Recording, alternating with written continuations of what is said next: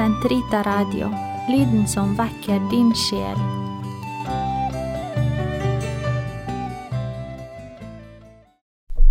Karmels hage, 16. episode Å be er å lengte.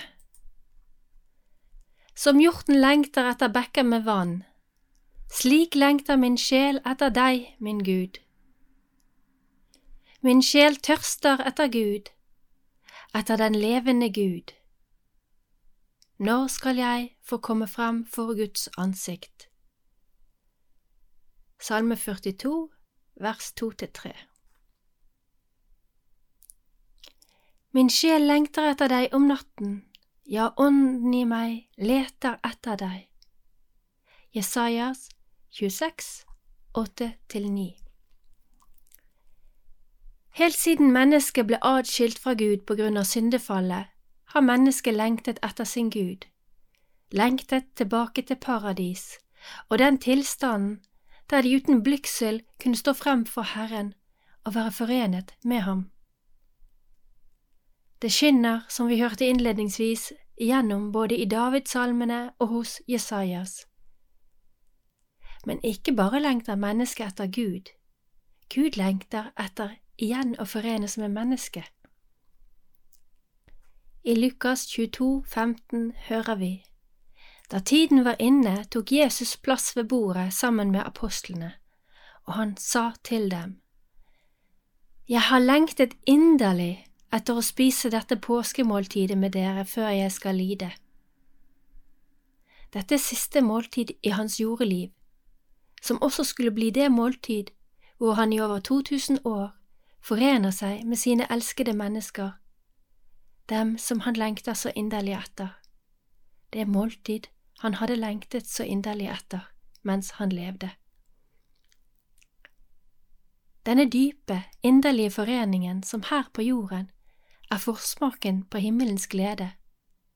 Den foreningen som, gjennom det at Gud forener seg med sitt elskede menneske, utvider og øker denne lengselen etter det himmelske. Hvilke dyp ligger ikke i disse ord, og som vi bare kan ane og be om å få del i. I forrige episode av Karmels hage snakket vi om Herrens bønn, Fader vår, og i et lengre sitat fra Augustin kunne vi høre hva som var selve hensikten med all bønn. Nei, det var ikke at vi skulle fortelle Gud hva vi trengte, for det vet han så inderlig vel. Og jeg repeterer Sankt Augustins ord.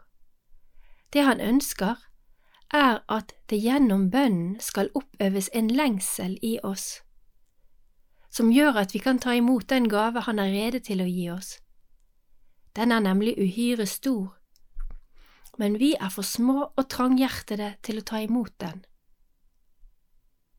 Så er altså lengselen det redskap Gud må ta i bruk for å utvide oss, for å i det hele tatt kunne gi oss noe av sin uendelig store gave. Vi ber sammen. Kom, Hellige Ånd, Fyll dine troendes hjerter og tenn i dem din kjærlighetsild. Du som gjennom de mangfoldige tungemål samlet alle folkeslag til troens enhet. Send ut din ånd, og alt skal bli omskapt, og du fornyer jordens åsyn. La oss be. Gud, du har opplyst de troendes hjerter ved Den hellige ånd. Gi oss at vi ved din ånd kan glede oss over det som er rett, og alltid bli lykkelige ved Hans trøst. Ved Kristus vår Herre.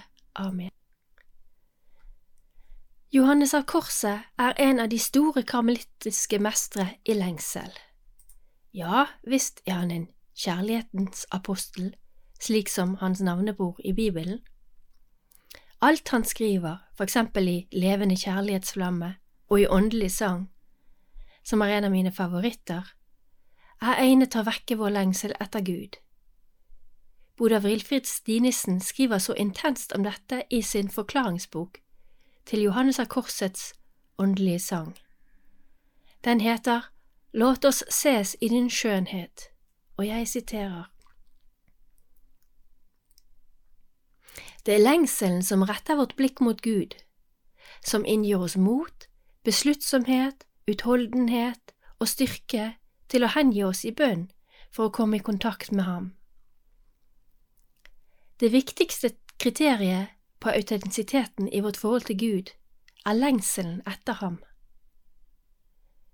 Det en åndelig veileder fremfor alt bør søke etter og gjenkjenne hos det mennesket han har kalt til å veilede, er om det dras mot Gud, om det har fått smaken på ham, om det i ham finner sin glede og sin lykke.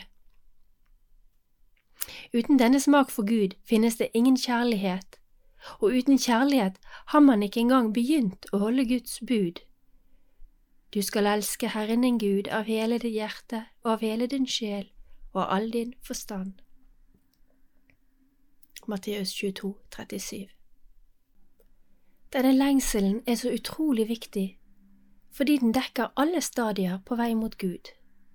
Ja, for lengselen er der etter at man forlater nybegynnerstadiet, den såkalte meditative perioden, og går over i den kontemplative bønnen. Under det meditative stadiet er vår lengsel etter Gud en lengsel etter ham som objekt for nytelse eller trøst. Men når man får smake kontemplativ bønn, vil man oppleve at den bønnen består nettopp av lengsel etter Gud. Men, og jeg siterer nå broder Wilfrid fra en annen bok som heter Når natten faller på, den indre bønnens veg. Der skriver han nå er det lengselen i vårt innerste vesen som smått om senn frigjøres. Ettersom det er Guds vilje å være menneskenes salighet, Han også ved skapelsen skapt det med retning mot seg selv. Denne retningen, denne fundamentale lengsel, gir seg bare til kjenne når de smålige ønsker stilner. Da blir det slik som det står i den mystiske tradisjonens elskede salmevers abyssus abyssum invocat, dyp roper til dyp. Salme 42, 8 Hele menneskets liv med Gud har altså lengselen som ingrediens. Vi må imidlertid ha et våkent blikk på vår egen lengsel, for det er ikke alltid at vi tolker lengselen på rett måte. Noen ganger, spesielt når vi er unge, forveksler vi Guds lengsel med lengsel etter det skapte, ting så vel som mennesker og posisjoner. Senere i det åndelige livet kan vi komme til å forveksle lengselen etter Gud med lengselen etter Hans gaver. Derfor er det en god ting i begynnelsen i det åndelige livet å be Gud om å vekke lengselen etter Ham i oss, og å gi oss forstand til å se hva vi lengter etter, og gi oss mulighet og vilje til å legge om kursen om vi er på villspor. Lengselen er så uendelig viktig for den som vil smake Herrens godhet, fordi den utvider hjertet og gjør mennesket villig og i stand til å ta imot Guds gave. For som broder Wilfrid skriver, når Gud vil gi en gave, pleier han å vekke lengselen etter den. Og her kommer Johannes av Korset med en viktig bemerkning. Man får av Gud det man forventer av ham. Lengselen lengter man etter store gaver, så får man store gaver. Lengter man etter ham selv, så får man ham selv. Pass på lengselen, og la den være etter ham. Therese av Avila er også ytterst påpasselig med lengselen. Hun ber sine søstre aldri om å holde opp med å lengte og etterstrebe kontemplasjonen, aldri opp, skriver hun, men også at, være, at de må være helt fornøyde med aldri å få det til, og ikke tro at man noensinne blir verdig til å få det. Sann lengsel blomstrer i sann ydmykhet. Det er i denne ydmykheten at vi kan komme til å oppleve og stadig dypere få del i lengselens paradoks. For hva skjer så om vi får smake og erfare Gud? Opphører lengselen da? Nei, tvert imot. Johannes av Korset forklarer lengselen som et sår, som kun kan leges av ham som laget såret, Gud. Men Gud kan virke på to måter gjennom lengselen. Han kan besøke sjelen for å styrke og trøste den og fylle den med fred, herlighet og hvile. Det andre type besøk er mer for å såre enn for å hele, mer for å såre enn for å tilfredsstille, for å øke smerten, lengselen etter å se Gud. Dette kalles åndelige kjærlighetssår, og jeg har stor betydning for et menneske som brenner etter å forenes med Herren. Også vår moder Teresa fikk oppleve hvordan lengselen utviklet seg i hennes liv. I boken som heter Guds vagabond, forklarer Thomas Alvarez dette i forbindelse med det siste kapittelet og om hennes forhold til døden. Det er til stor trøst og velsignelse å høre om hvor stor angst hun hadde kjempet med i sitt liv, og hvordan Gud endret på alt dette. Den sykdommen hun opplevde i 23–25-årsalderen, der man i flere dager trodde at hun var død, og som fortsatte å plage henne med smerter resten av livet, satte dype spor i hennes syke, i form av dødsangst.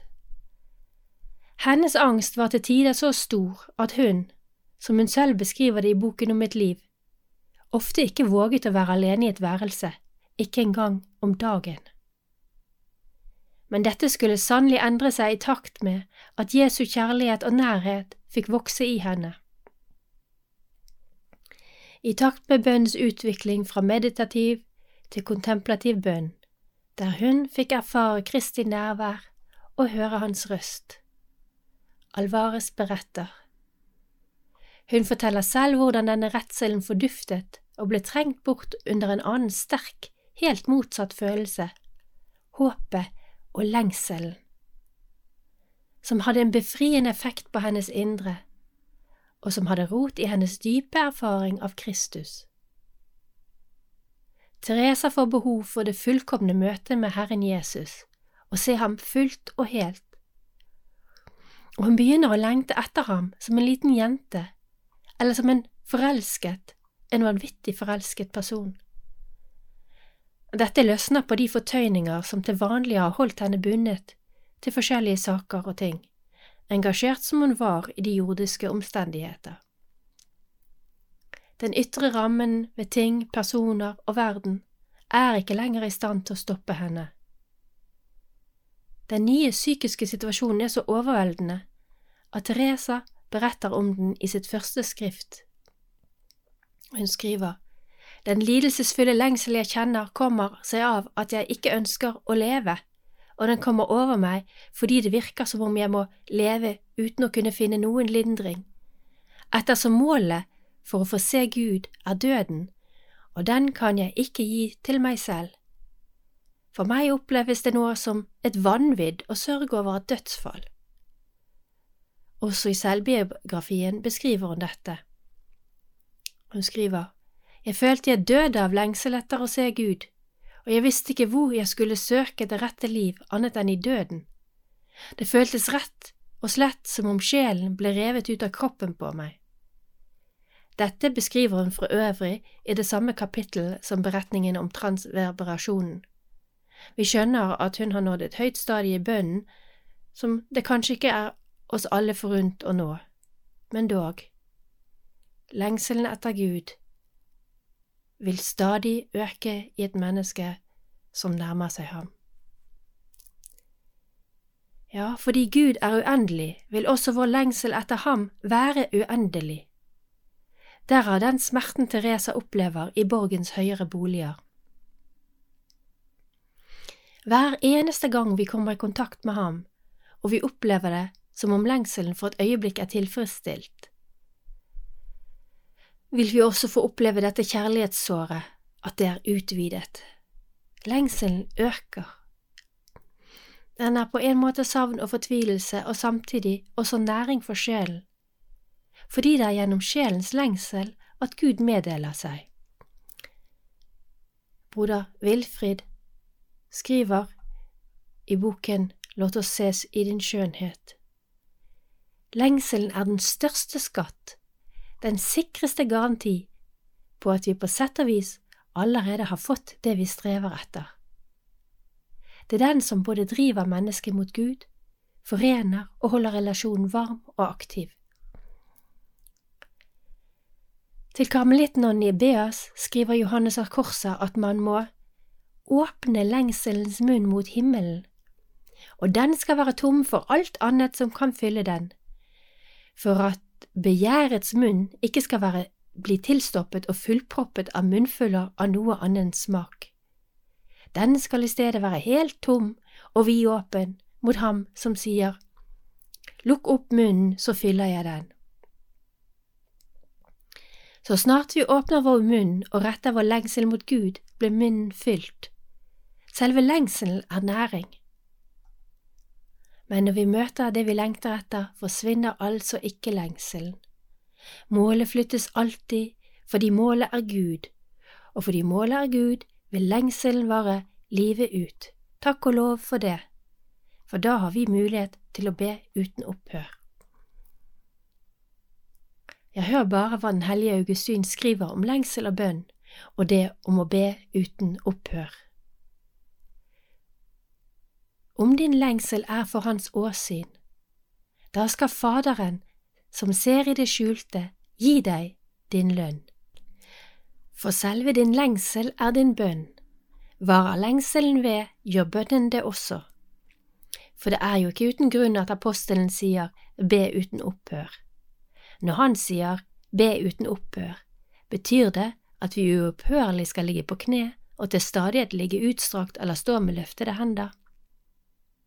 Hvis det er det det betyr å be, tror jeg ikke vi er i stand til å gjøre det uten opphør.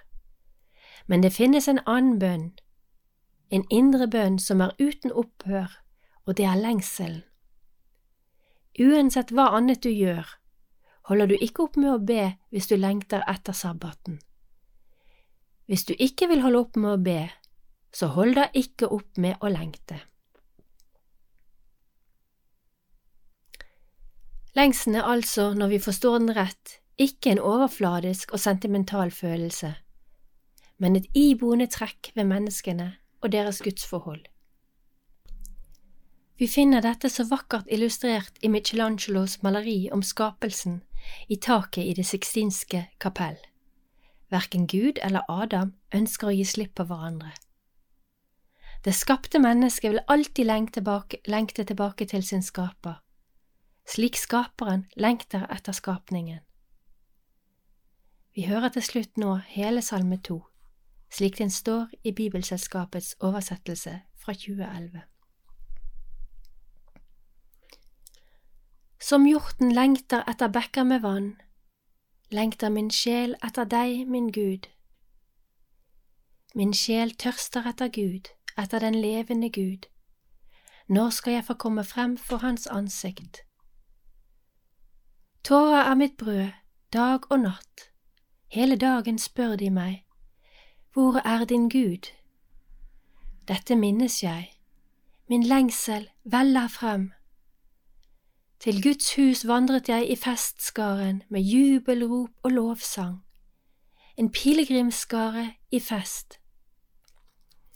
Hvorfor er du tynget av sorg, min sjel, hvorfor er du urolig? Jeg vil vente på Gud, enda en gang skal jeg prise ham, min frelser og min Gud. Jeg er tynget av sorg, derfor går min tanke til deg fra Jordan og Hermonlandet, fra berget Misar. Dyp roper til dyp, i drønnet av dine fossefall. Alle dine bølger og brenninger skyller over meg. Herren sender sin godhet om dagen, sangen hans er hos meg om natten, en bønn til mitt livs Gud. Jeg sier til Gud, min klippe, Hvorfor har du glemt meg? Hvorfor må jeg gå og sørge mens fienden plager meg? Fiendens hån går gjennom marg og bein. Hele dagen sier de, Hvor er din Gud? Hvorfor er du tynget av sorg, min sjel? Hvorfor er du urolig? Jeg vil vente på Gud, enda en gang skal jeg prise ham, min frelser og min Gud. Amen.